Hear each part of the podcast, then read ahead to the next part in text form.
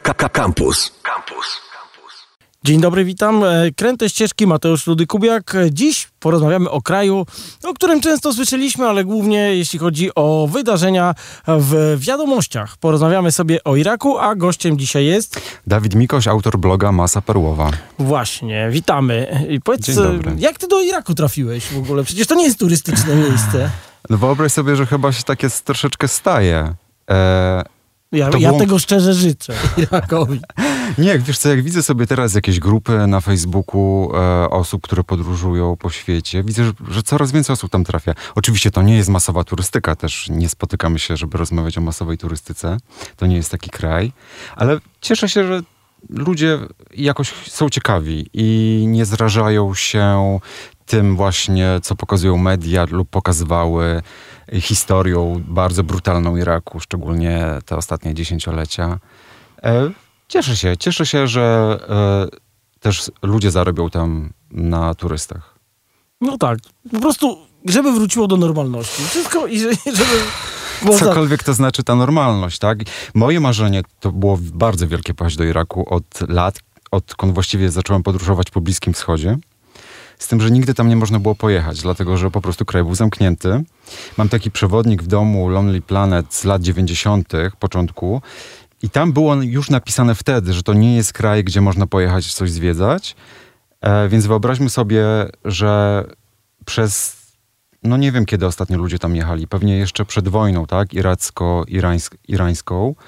Więc właściwie turystów tam nie było. I to, co, jeżeli ktoś mi opowiadał coś na temat e, szczególnie Bagdadu, e, jak był tam na przykład, nie wiem, w jakichś sprawach biznesowych, albo w jakimś, w jakimś nie wiem, jako, jako pracownik e, wolontariatu, to te historie po prostu brzmiały, no nie chciałem się wierzyć, że tam jest tak strasznie i Oczywiście e, na innych zasadach jedzie tam turysta, a na innych zasadach ktoś, kto robi tam biznesy, czy tam w jakiejś innej sprawie jedzie.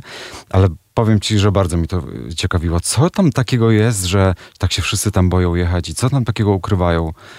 Mm, Więc powiem szczerze, że próbowaliśmy z moim znajomym z Bagdadu, trochę mnie tam e, w, tak, może nie, że nielegalnie, ale trochę tak wkręcić, nie do końca jako turystę. E, ale potem wybuchły tam e, protesty w Iraku, potem był COVID, no to wiadomo, tam się nic nie udało. I w końcu po prostu wprowadzili nagle e, wizy turystyczne. Po wizycie papieża w zeszłym roku, który po prostu się okazał jakimś takim aniołem, który tam otworzył wiele dróg. I ja jakby się nie zastanawiając, chyba trzy dni po tym fakcie, po prostu byłem już tam na miejscu. No dobra, to ruszyłeś temat wiz. To jak w takim razie tutaj z Polski taką wizę e, można sobie ogarnąć? Może jeszcze powiedzmy, że Irak to są tak naprawdę dwie części. Północna e, Kurdystan i południowa e, federalna arabska.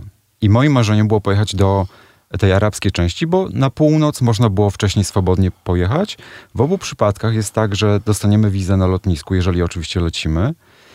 E, Z tym, że jest jedna, jeden taki haczyk, że jeżeli dostaniemy wizę kurdyjską, to nie przejedziemy z nią na południe do Iraku, a w drugą stronę e, z tą federalną wizą wjedziemy też do Kurdystanu. Bo Kurdystan jest e, jakby autonomicznym terytorium, Jest tak? autonomiczny, tam są różne e, zależności, w niektórych rzeczach mają wspólną politykę, w niektórych oddzielną, te same numery telefonów, ta sama waluta i tak dalej, i tak dalej, ale inne języki, inna kultura, trochę oni żyją tak oddzielnie, tak? Nie, nie, nie, nie są tak... To są tak naprawdę dwa różne kraje. No tak, ale to ciekawe, że dwie wizy, tak, że z jedną wjedziesz wszędzie, a z kurdyjską już niekoniecznie. To, Niekoniecznie, to, to dlatego że jakby rząd centralny jest w Bagdadzie, więc to oni jakby decydują o, o jakby zewnętrznych granicach całego kraju. Tak? Ale czy to jest taka wiza jak w Egipcie, że ci wklejają po prostu do paszportu i witamy, czy, czy trochę bardziej to skomplikowane Nie, to jest? nie jest. Teraz, teraz jest tak, że przyjeżdżasz po prostu sobie na lotnisko i cyk e, w paszport ci Ile to kosztuje? 77 dolarów. Mhm. Czyli operują dolarami w takim O, razie. to jest ulubiona waluta na A całym Bliskim dlaczego Wschodzie. 77, a nie 88? Dlatego, że 75 dolarów kosztuje wiza, plus 2 dolary opłata administracyjna, czymkolwiek ona nie Znaczy jest. no za to wydanie, nie? Za to wbicie. No nie wiem. Dobra, słuchajcie. Czyli można jeździć do Iraku, to jest przesłanie z dzisiaj. Mm, Mówimy, że tak, wizę kupujemy na lotnisku Mhm. I co dalej? Jak, jak wyglądała twoja wycieczka? Bo, bo to jakby o tym będzie dzisiaj. Moja wycieczka była trochę niestandardowa, dlatego że ja znałem wcześniej, poznałem już wcześniej ludzi tam. E, powiem od razu, że ja jeżdżę z kamerą, ja kręcę filmy. E, więc wiedziałem, że nie, jakby jechać na wycieczkę taką tradycyjną z przewodnikiem, to trochę nie chodziło mi o to. Więc ja miałem wcześniej już, tak jak wspomniałem, chciałem się tam wcześniej dostać, więc sobie jakieś tam znajomości wyrobiłem wcześniej. E, więc spałem u mojego znajomego w Bagdadzie. E, I później e, różnie to było. Zależy, gdzie pojechałem. Albo to były, albo też u innych ludzi, których e, też poznałem w jakiś tam różny sposób, albo przez mojego kolegę, albo też jakoś inaczej. E, albo w hotelach po prostu. Właściwie chyba tylko jedną noc spędziłem w hotelu akurat e, w Iraku. E, poruszanie też jest bardzo proste się po kraju, bo są, jest komunikacja. Mm, nie wygląda to wcale źle ani tragicznie. E, jedyny problem to są checkpointy, które mogą... Są jeszcze cały czas, Są tak? checkpointy pomiędzy miastami. No i powiem szczerze, że ja. Mm, no, były takie sytuacje, kiedy oni nie wiedzieli do końca, co, jest, co to jest ta, ta wiza w moim paszporcie.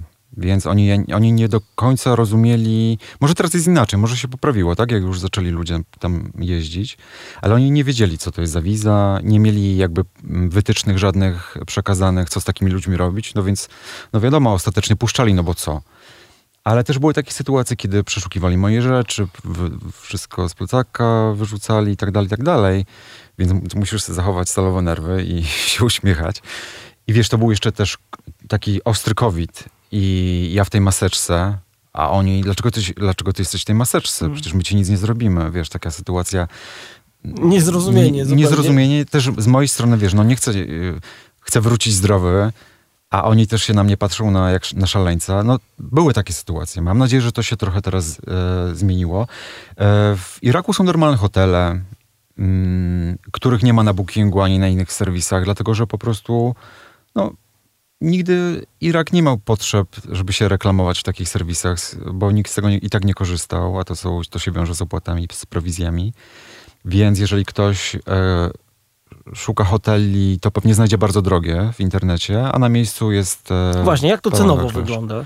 Wiesz co, to zależy, jakie masz wymagania. Nawet za całkiem przyzwoity pokój dwuosobowy, to nawet za, nie wiem, 20-25 dolarów. Bardzo przyzwoite. Nie są ceny jakieś wygórowane w Iraku. E, moim zdaniem całkiem przystępne. przystępnie Czyli drogo. jechać i nie bać się.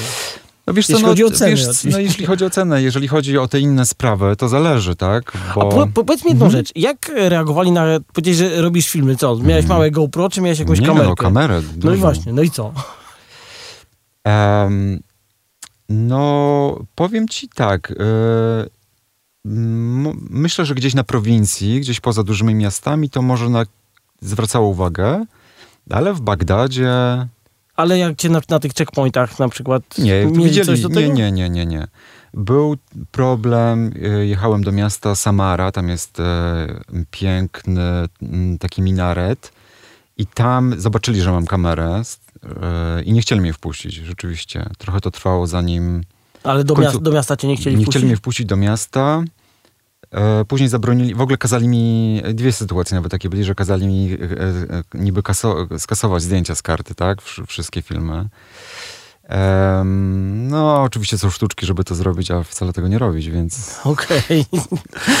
Już nie będę tutaj zdradzać takich. Ale to sekretów. zapamiętajcie sobie. Tak, tak, tak trzeba zrobić w takich sytuacjach. Ale co, to zazwyczaj się kończyło dobrze wszystko. To się kończyło dobrze. Mm, też trzeba ich zrozumieć. No tam. Mm, wiesz, wcześniej tacy ludzie jak ja, czyli Europejczycy, to najczęściej przyjeżdżali, żeby walczyć dla państwa islamskiego.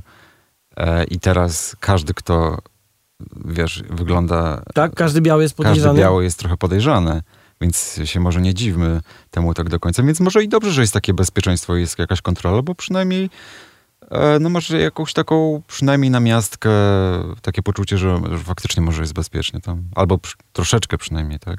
Że ktoś kontroluje to w jakiś sposób. Słuchajcie, już powiedzieliśmy o bezpieczeństwie, o tym jak tam wjechać, ale wreszcie musimy powiedzieć, co tam można zobaczyć. E, jeżeli chodzi o ten południowy Irak, bo to chyba jest e, teraz taki e, ciekawszy temat, no to przede wszystkim pierwsze miejsce styczności to będzie Bagdad, który... E, dużo osób się pyta na przykład, czy Bagdad jest zniszczony, czy w Bagdadzie co, cokolwiek jest do zobaczenia. E, I powiem szczerze, że też miałem takie, tak, tak się zastanawiałem, bo nawet jeżeli się szukało czegoś w internecie wcześniej, to jakby nie do końca to oddawało rzeczywistość. E, a Bagdad jest tak naprawdę ogromnym, ogromną metropolią, e, bardzo zakorkowaną, są bardzo różne dzielnice. Jest stara część Bagdadu chyba, która jest najbardziej taka, mm, powiedzmy, turystyczna w sensie takim, że zabytkowa w jakiś tam sposób. E, I to jest chyba pierwsze miejsce, do którego ja bym się wybrał, jakbym teraz na przykład komuś miał polecić. E, I też e, ta stara część leży nad, nad Tygrysem. Więc są piękne wycieczki łodziami i statkami po rzece. E, troszeczkę to wygląda, miałem takie wrażenie, jakby e, ta rzeka, ten tygrys w Bagdadzie wygląda jak Wisła w latach 90., czyli wiesz, niezrobione te bulwary, wszystko po prostu dzikie. E, no po prostu nieokieł, nieokiełzane to jest wszystko tam, po prostu nic się nie działo nigdy, dalej się nic nie dzieje. Jakieś tam powstają kawiarnie, są jakieś restauracje i to fajnie wygląda, ale pierwszy raz to zobaczyłem, kurczę, to wygląda jak Warszawa w latach 90. Naprawdę. No tak. Pamiętajmy jeszcze, że e, w, za jedynego słusznego systemu przecież tam też nasi budowali tak. sporo budowli w Bagdadzie. Tak i do dzisiaj ludzie to pamiętają. Też e, była przecież wymiana akademicka. Dużo tutaj przyjeżdżało Arabów z, z Iraku.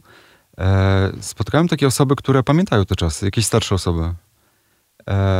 Też dużo osób kojarzy po, Polskę jako oczywiście z wojskami, które tam stacjonowały nie, nie, nie tak dawno. Ale ty, jakie wtedy mają wobec nas y, odczucia, że myśmy byli fajnymi wojskami, czy byliśmy tymi, co byli z Amerykanami i z automatu byliśmy niefajni? Wiesz co, chyba ja myślę, że te młodsze pokolenia to już może nie rozpatrują tego w tych kategoriach. E, dużo oczywiście ludzi pyta, e, no skoro współpracowałem z Wojskiem Polskim, to może teraz mi się należy jakaś wiza, czy możesz mi to załatwić? Oczywiście nie mogę takich rzeczy załatwiać, bo nie mam takich predyspozycji. E, nie wydaje mi się, że jeżeli pytasz, czy jakaś taka niechęć do Polaków, nie, nie, nie zupełnie tego znaczy, nie, nie Pytanie, znaczy nie niechęć, czy, czy, czy, wojsko polskie się dobrze, czy źle tam kojarzy, czy, czy jest neutralne po prostu, czy było i tyle, no i... Znaczy, myślę, że tak nie do końca wszyscy kojarzą, e, że to byliśmy my tam z, u boku Amerykanów. Nie do, nie do końca tam ludzie to kojarzą, więc może i, i lepiej dla nas, tak? Chyba tak tak to określmy. Muszę ci powiedzieć, że w 80 latach mój dziadek pracował o, właśnie widzisz. w Bagdadzie, tak. I, I, też bardzo, bardzo miło wspominać, szczególnie współpracę z Kurdami, których uważał że za takich bardziej ogarniętych Aha. w pracy przynajmniej. Także, no, widzisz. Także nawet miałem plakaty z Saddamem Husajnem jeszcze w domu propagandowe. Który, który jest do dzisiaj bardzo wieroku popularny zresztą. Tak? Tak. Jak to wygląda? E, dlatego, że...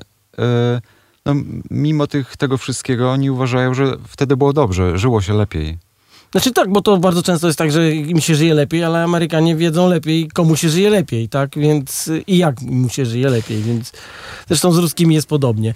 E, i, i, i e, no właśnie, no uważają, że był przynajmniej porządek, tak? Z tego przynajmniej ja jednego Irakijczyka, No tak, no bo na przykład, znałem, na przykład e, drogi, które z, są e, wybudowane, no to było ostatnio remontowane za, za, za jego czasów, tak? No, wbudował te drogi mój dziadek właśnie. No właśnie, innymi. proszę bardzo. I to było ostatnie, kiedy jakaś modernizacja kraju tam nastąpiła, tak? E, z, e, wtedy poddano renowacji wiele zabytków. Na przykład cały Babilon został za czasów Sadama jakby odkopany. Od, od, tak? I odtworzony, odtworzony tak.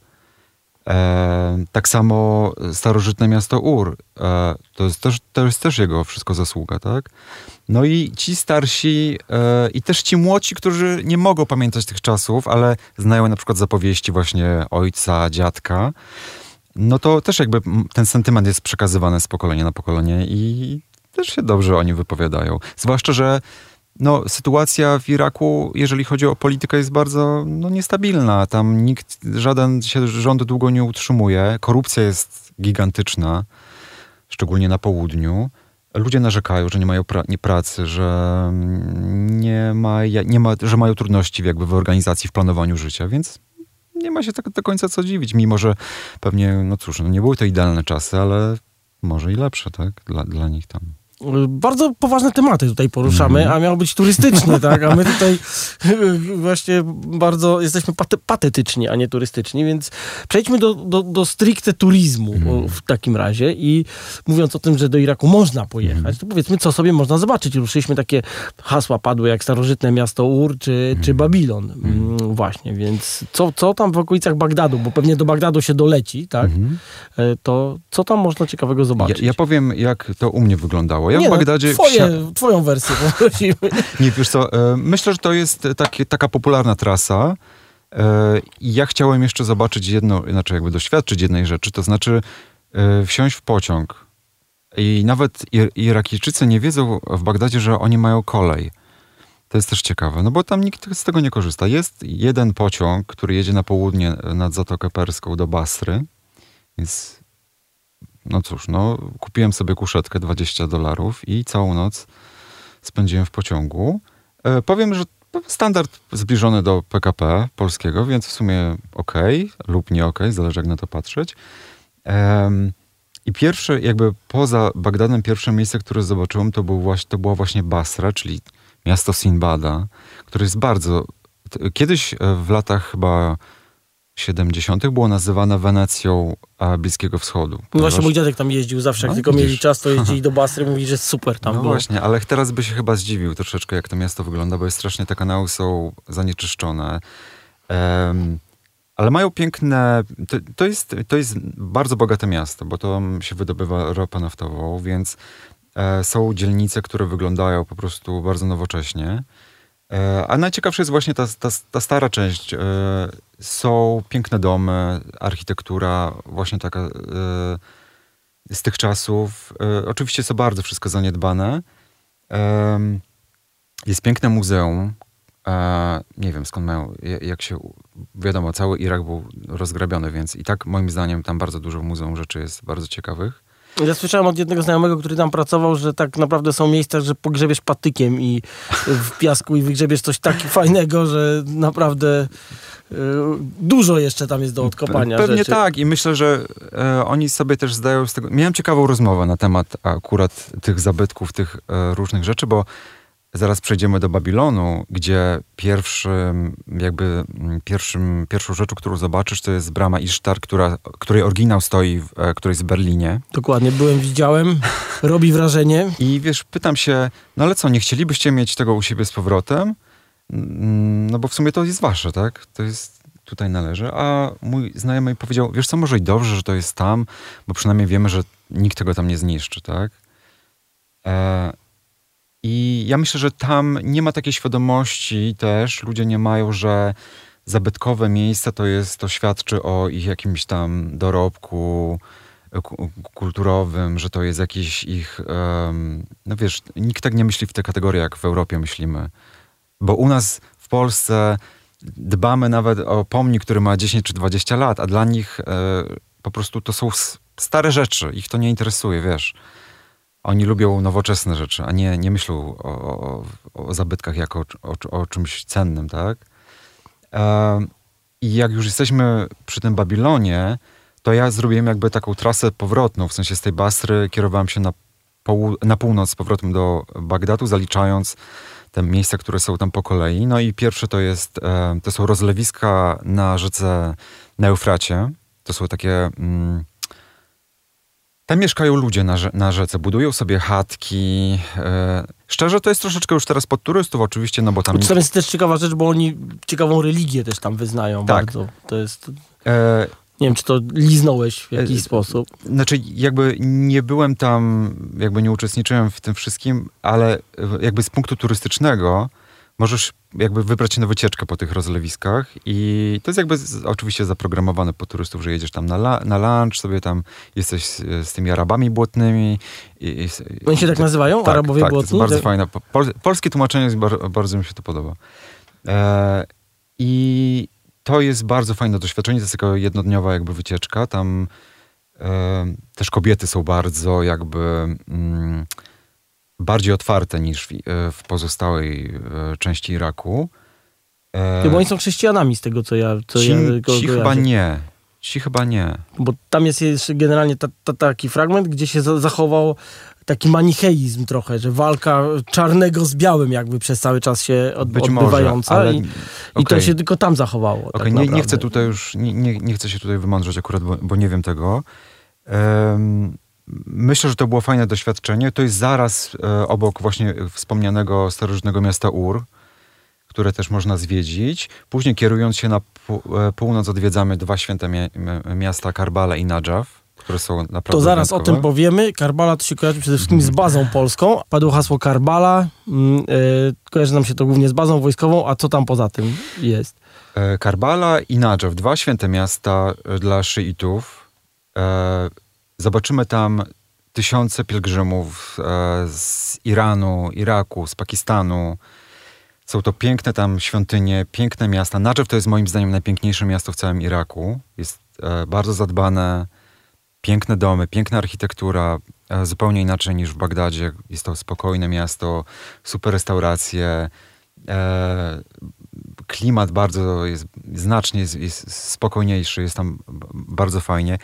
Y, oba te miasta w zasadzie są, jeżeli tylko patrzymy na te świątynie, na te święte miejsca, to są w zasadzie bardzo podobne miasta, tak? Bo większość ludzi tylko przyjeżdża mm, tam, żeby odwiedzić te miejsca. I wokół oczywiście rozwinął się też biznes, jest mnóstwo hoteli, dużo knajp i tak dalej, i tak dalej. I z tych dwóch miast jedziemy do Babilonu, które, tak jak wspomnieliśmy, to jest, e, żeby nikt też nie pomyślał, to jest głównie rekonstrukcja, tak, tego, co... No tak, bo mówmy się też, że to było robione z cegieł wypalanych na słońcu, więc Tak, tak, nie ale- miało szans na prze, tak, ale przetrwanie. tak, i musimy pamiętać, że tam są podmokłe tereny, więc to wszystko po prostu się stopniowo, stopniowo... Zapadło. Zapadło, ale gdyby... I częściowo e, jest, są zachowane, jakby odkopana jest część fundamentów, część starych cegieł i to widać, gdzie, gdzie ile się udało odkopać, ale pewnie gdyby kopać głębiej, głębiej, no to pewnie coś by się tam jeszcze udało odkopać, tylko pytanie jest, pewnie jest to bardzo kosztowne, a poza tym, nie wiem, też ile by się udało z tego, tak, odnaleźć. Em, no i co? I w, i, w tym momencie wracamy do Bagdadu albo jedziemy jeszcze bardziej na północ, do Mosulu. E, I wtedy albo jedziemy jeszcze na, pół, na północ do Kurdystanu, no albo wracamy na lotnisko i, i do domu. No dobra, ale to powiedzmy w takim razie a propos lotniska i do domu, to jak tam się można dostać? No kiedyś były loty do Bagdadu z Warszawy mam normalnie. taki sta, starą książeczkę z lat 70. Właśnie lot się reklamuje, loty do Bagdadu i do Damaszku, czego chyba raczej już nie, w najbliższej przyszłości nie doświadczymy. E, No musimy mm, prawdopodobnie przez Turcję, tak? To jest najprostsze, przez Stambuł jakoś kombinować, ewentualnie przez Dubaj, z tym, że podejrzewam, że to będzie troszkę droższe. A ty jak leciałeś? Przez Stambuł. Jeszcze z Lwowa, kiedy mo- można było e, stamtąd polecieć, e, przez Stambuł i, i bezpośrednio do Bagdadu. Ze Stambułu jest bardzo dużo lotów bezpośrednich. A inne patenty mówisz do Dubaju i gdzieś Do tam Dubaju kombinować? tam kombinować i chyba tak naprawdę ewentualnie z Iranu, ale to już też jest większa kombinacja, bo trzeba mieć dodatkową wizę, więc to już jest więcej problematyczne. Można też drogą lądową spróbować z Iranu też na przykład. Em, A oni jak tam na granicach? Normalnie przepuszczają się? Nie, nie, tam te kraje czasami mają różne pomysły na to, żeby na przykład zamknąć granice, tak? No, to tego nie jestem w stanie zagwarantować, bo to są gorące rejony, więc tam się codziennie może coś nowego wydarzyć. Myślę, że loty to jest bezpieczniejsza wersja, tak? Bo e, naprawdę trzeba chyba na bieżąco monitorować. A powiedz, jak tam ludzie do ciebie w ogóle podchodzili? Bo to jest, opinia jest taka, że to są bardzo przyjaźni ludzie i chętnie w ogóle rozmawiają. E, Przynajmniej sprzed kilkudziesięciu lat. mm, Wydaje mi się, że podchodzili do mnie z dużą taką rezerwą. To znaczy na początku, bo jakby nie, nie znali moich intencji, nie wiedzieli, co ja tam robię, po co ja tam przyjechałem, kiedy oni tak naprawdę wszyscy chcieli stamtąd wyjechać, a nie, a nie odwrotnie.